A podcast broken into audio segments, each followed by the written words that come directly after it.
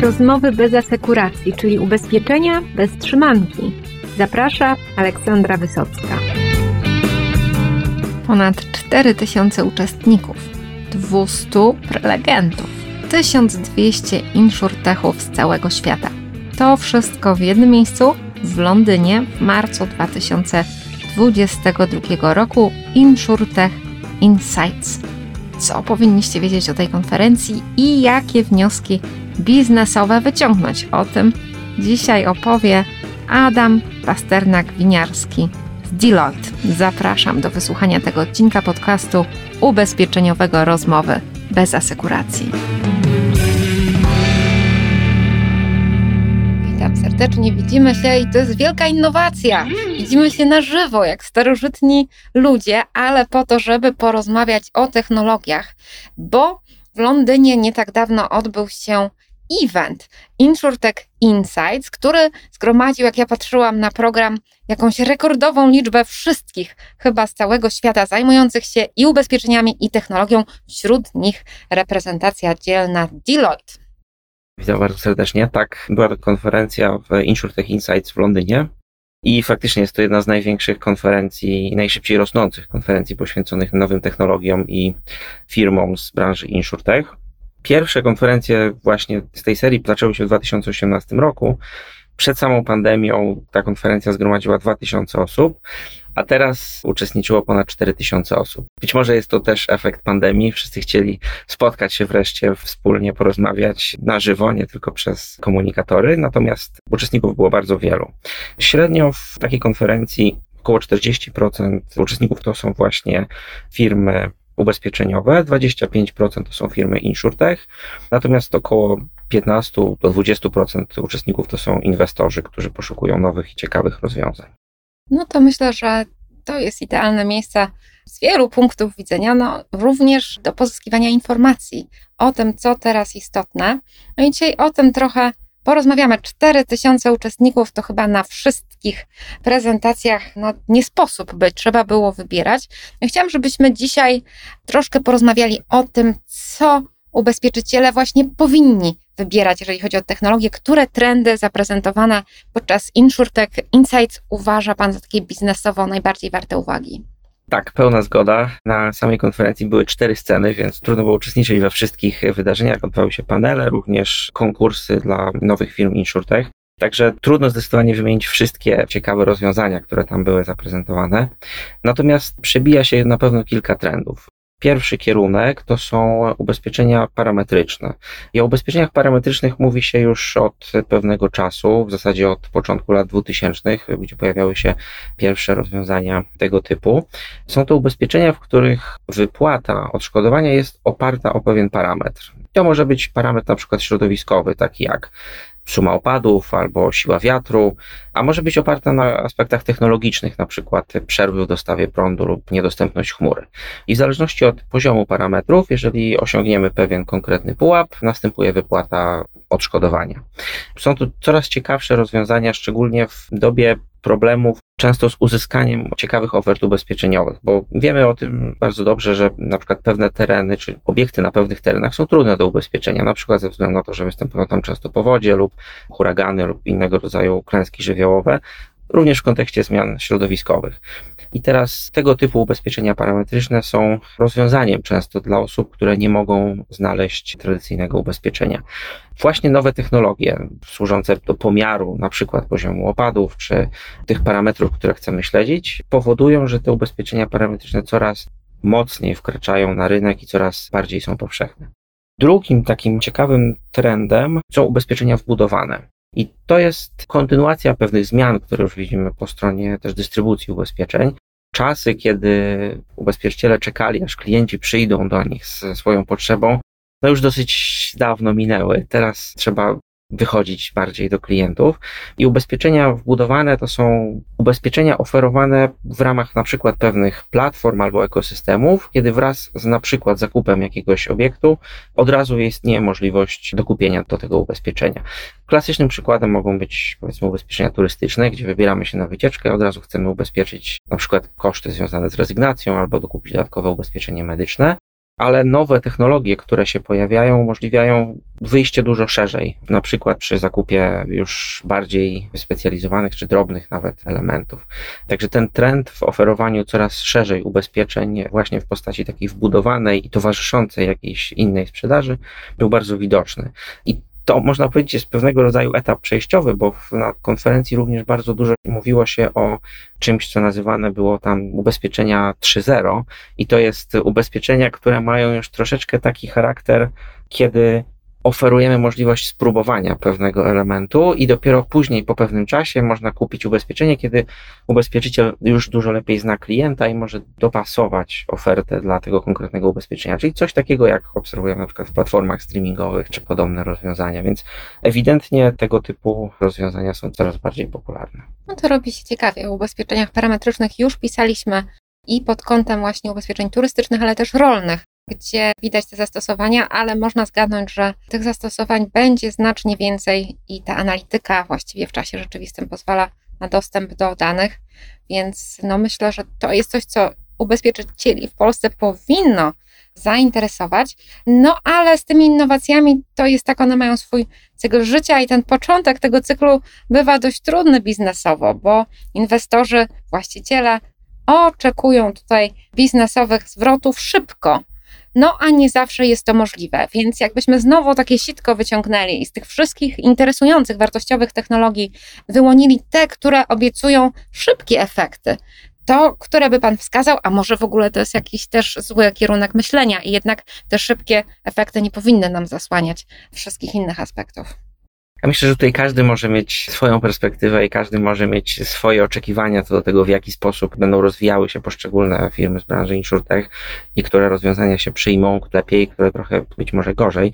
Ja bym chciał wspomnieć o jednym z rankingów, które są przygotowywane przez Insurtech Insights i to jest taki ranking, który nazywa się Future 50 Europe.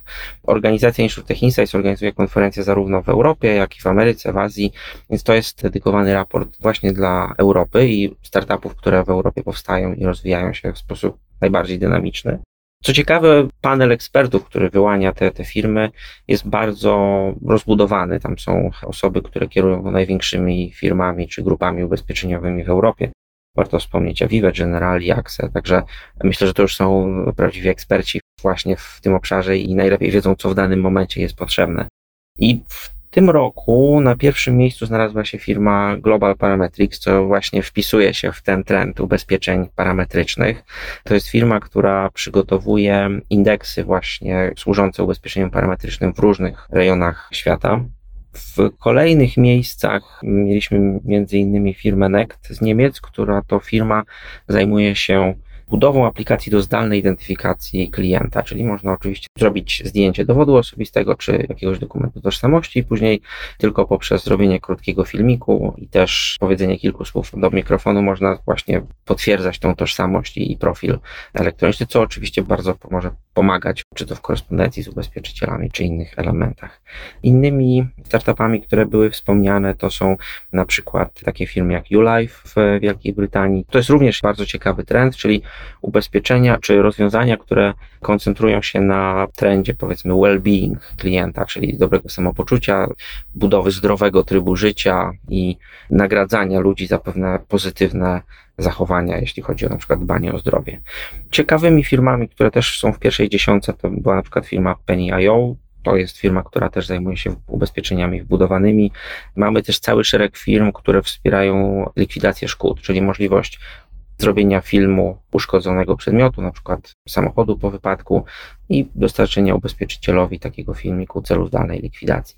Także zachęcam wszystkich do tego, żeby zapoznać się z tym rankingiem. Na pewno będzie bardzo ciekawy, pokazuje też trendy, jakie w Europie w obszarze insurtechów się pojawiają. Z naszej perspektywy jako Deloitte oczywiście niezwykle interesujemy się firmami z Polski i między innymi na konferencji była firma Quanti.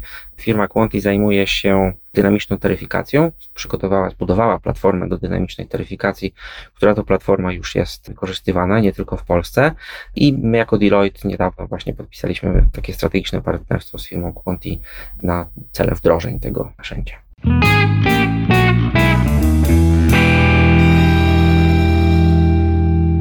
Dodam też, że Zespół jest też bardzo płodny dziennikarsko i też publikuje bardzo ciekawe wglądy u nas w Gazecie Ubezpieczeniowej, więc temat jest znany również wielu czytelnikom Gazety Ubezpieczeniowej. Robi się na rynku coraz większa presja, prawda, cenowa, efektywnościowa, coraz dochodzą nowe klocki w tej i tak niełatwej układance. Mamy regulacje, mamy sytuację geopolityczną, mamy bardzo niskie ceny, no i natłok innowacji, czyli to, co by Pan zarekomendował na początku przestudiujmy jako ubezpieczyciele ten raport top 50, ale może jeszcze jakieś takie wskazówki, czy to jednak jest bardzo już specyficzne i każdy ubezpieczyciel musi tą decyzję w co inwestować, w jaką technologię podjąć samodzielnie. Myślę, że tak, ta decyzja musi być podejmowana samodzielnie. Niektóre panele na konferencji były właśnie poświęcone też elementowi współpracy na linii ubezpieczyciel i innowacyjna firma technologiczna. I podkreślano wielokrotnie, że podstawowym i pierwszym elementem jest sprawdzenie, w jaki sposób dana firma, dana technologia wpasowuje się w długoterminową strategię i plany ubezpieczyciela, w jaki sposób wpisuje się w taki cel i kulturę danego ubezpieczyciela. Także każdy musi, myślę, wybrać najciekawsze rozwiązania pod kątem swoich produktów, pod kątem kierunku technologicznego, w którym się rozwija. No to nie jest wcale proste. Mi się zdarzyło słyszeć gorzkie słowa z obu stron, gdzie ubezpieczyciele mówili, że to jest biznesowo nieodpowiedzialne, że to jest niedopracowane, że korporacyjnego nie ma takiego porządku w tym. No a z kolei przedstawiciele startupów mówili mi, że z tymi no, zachowawczymi ubezpieczycielami, ja tutaj mówię na potrzeby nagrania w sposób taki może bardziej łagodne, bo tam no, dużo jest tych emocji, no, że bardzo trudno pewne rzeczy wytłumaczyć. No i rozumiem, że szukanie takiego porozumienia, złotego środka jest niezbędne, ale nie zawsze łatwe. Tak, to prawda. Na konferencji pojawiały się statystyki, które wskazywały, że tylko około 20% partnerstw pomiędzy firmą technologiczną a ubezpieczycielem kończy się sukcesem. I być może były to nawet optymistyczne statystyki, bo ja spotkałem się z niższymi współczynnikami. Relacje ubezpieczyciel i firma InsurTech malowano na konferencji trochę w kontekście takiego konfliktu pokoleniowego, czyli ubezpieczyciela, który jest nastawiony na bezpieczne rozwiązania, który chce minimalizować ryzyko i takiego bardzo dynamicznego, oczekującego błyskawicznych decyzji startupu. I pojawiały się rady, w jaki sposób budować ten proces współpracy pomiędzy ubezpieczycielem a startupem. I myślę, że można spojrzeć na takie trzy główne fazy takiego procesu. Pierwszy to jest taka analiza wstępna, i w ramach tej analizy firma ubezpieczeniowa powinna sobie odpowiedzieć na pytanie, w jaki sposób oferta danego insurtechu wpisuje się w wizję i ogólną strategię danego ubezpieczyciela. To znaczy, czy po prostu nam jest po drodze. Drugi element to jest spojrzenie z punktu widzenia własnych klientów, czyli jaką dodatkową wartość daje to rozwiązanie technologiczne daje moim klientom. To może być rozwiązanie, które jest bezpośrednio dla klientów, ale może być to też jakieś rozwiązanie, które usprawnia działanie w ramach firmy i na przykład przyspiesza pewne procesy w firmie, co koniec końców też jest benefitem dla klientów. I też takim trzecim elementem, na który warto na tej wstępnym etapie zwrócić uwagę, to jest w jaki sposób rozwiązanie InsurTech wpisuje się zarówno w naszą technologiczną perspektywę i w nasze technologiczne środowisko, jak i też innych partnerów, których jako firma ubezpieczeniowa mamy. Część dużych grup ubezpieczeniowych buduje sobie, czy tworzy sobie takie listy partnerów, nazywają je Book of Partners i tam właśnie pojawiają się wszystkie insurtechy, z którymi współpracujemy i firmy starają się w taki sposób układać tą układankę, żeby jak najwięcej synergii było pomiędzy poszczególnymi startupami. To jest ten etap wstępny. Jeżeli już ten etap przejdziemy, to zaczynamy współpracować z daną firmą ubezpieczeniową i tam kluczowe jest, żeby na początku w sposób otwarty uzgodnić realistyczne oczekiwania finansowe pod względem jakichś kluczowych mierników sukcesu to jest, myślę, bardzo ważne, żeby obie strony wiedziały, do czego dążymy i obie strony podchodziły do tej współpracy w sposób realistyczny, bo wydaje mi się, że często te współprace upadają właśnie z tego powodu, że nie ma tego uzgodnienia celów i oczekiwania są bardzo rozbieżne. Oczywiście bardzo ważnym elementem jest też z obu stron podejście z pokorą, bo to, co czasami słyszy się z obu stron, to jest takie spojrzenie, że ubezpieczyciele uważają, że bardzo dobrze znają się na biznesie ubezpieczeniowym i wszystko o nim wiedzą i nie oczekują żadnych rad ani sugestii. Natomiast firmy InsurTech z drugiej strony uważają, że bardzo dobrze znają się na technologii i oferują najlepsze rozwiązania i również nie potrzebują żadnych rad ze strony ubezpieczycieli. I wydaje mi się, że to jest znowu kolejna droga do porażki tutaj, jeżeli tego typu mamy sytuację. Więc ta pokora w słuchaniu drugiej strony i w chęci do nauczenia się też drugiej strony, to jest krok do sukcesu. I wreszcie mamy trzeci etap, czyli wdrożenie. I tutaj we wdrożeniu to jest tak naprawdę taka bardzo benedyktyńska praca nad tym, żeby pogodzić z jednej strony hierarchiczny proces decyzyjny po stronie ubezpieczyciela, z takim nastawieniem właśnie bardzo szybkich decyzji, jakie kojarzymy ze startupami. Bardzo ważne, żeby zespół, który pracuje też po stronie ubezpieczyciela, poczuł się częścią tych prac, żeby ten sukces wspólnego wdrożenia był też sukcesem zespołu ubezpieczyciela. Czyli oczywiście też również słuchanie, bycie wrażliwym na drugą stronę, wyjście poza taką stricte korporacyjne często spojrzenie na projekt. Oczywiście częścią budowy takiej motywacji wewnątrzfirmowej jest też naturalnie struktura bonusów czy celów dla zespołu. I wydaje mi się, że jeżeli te wszystkie elementy gdzieś tam ze sobą zgramy i na nich się skoncentrujemy, to wtedy szansa na sukces w takim partnerstwie jest dużo większa, a potencjalne korzyści z takiego partnerstwa na pewno uzasadniają wysiłek, który będziemy musieli włożyć w cały proces.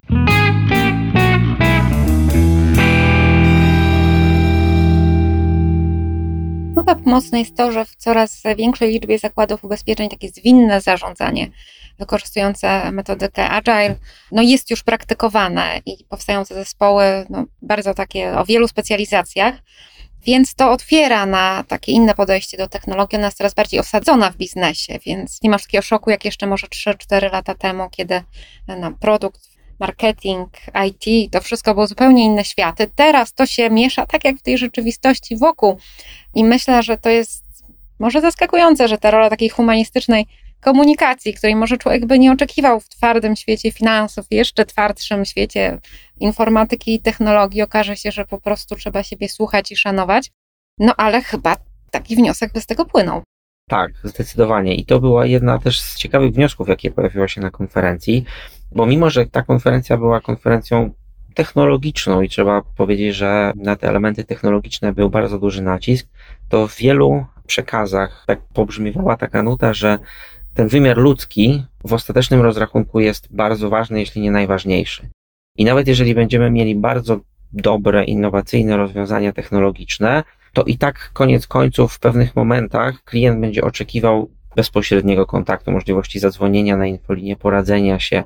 W ramach jednego z paneli pojawiały się takie przykłady, że często w przypadku takich zdarzeń no, katastroficznych, jakiejś większej powodzi, ubezpieczyciele często wyłączają swoje rozwiązania stricte technologiczne albo wykorzystują tylko te, które wspierają proces likwidacji szkód, natomiast koncentrują się właśnie na tym, żeby umożliwić swoim klientom kontakt, porozmawianie i taki ludzką komunikację. Więc ta technologia ma wspierać, natomiast ten pierwiastek ludzki musi być podstawą tych relacji.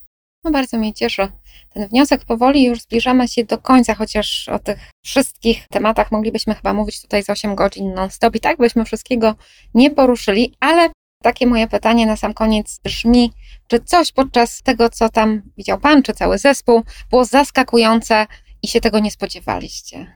Tak, ja myślę, że jeden element na pewno chciałbym wymienić.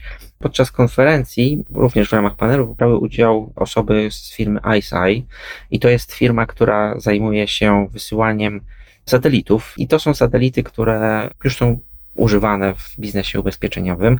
Co ciekawe, jest to firma współzałożona przez Polaka. Jest to firma, która jest, pochodzi z Finlandii, natomiast jest to współpraca kilku osób, firma Rafała Mudrzewskiego. I myślę, że to bardzo ciekawe, jaką drogę przeszliśmy. Z jednej strony ubezpieczenia, które kojarzą nam się z bardzo tradycyjnym biznesem, raczej nie kojarzymy go z satelitami i wysyłaniem właśnie jakichś obiektów w kosmos. Tak naprawdę można powiedzieć teraz już niejako sięgają gwiazd i wykorzystujemy technologie kosmiczne do tego, żeby na przykład usprawniać proces likwidacji szkód. Myślę, że to bardzo daje do myślenia, w jaki sposób ubezpieczenia korzystają z nowinek technologicznych i w jaki sposób już z tymi najnowszymi technologiami się, można powiedzieć, zżyły i połączyły. No, satelity już dały się poznać jako bardzo ciekawe narzędzia przy likwidacji szkód rolnych czy katastroficznych. No niestety wygląda na to, że teraz mogą się również przydać przy stratach, szkodach wojennych. No i cóż, okazuje się, że rzeczywiście jako ubezpieczyciele nie musimy wstać w tym ostatnim rzędzie innowatorów, wręcz przeciwnie, są obszary, gdzie jesteśmy właściwie z przodu. Zdecydowanie tak. Więc proszę Państwa, rozmawiajmy, nie bądźmy boomersami, bo to nie jest kwestia wieku, to jest kwestia mentalności i otwartości na nowe. I z tej rozmowy mogą zaskakujące wyniki, również biznesowe, się pojawić, czego życzymy. Bardzo dziękuję.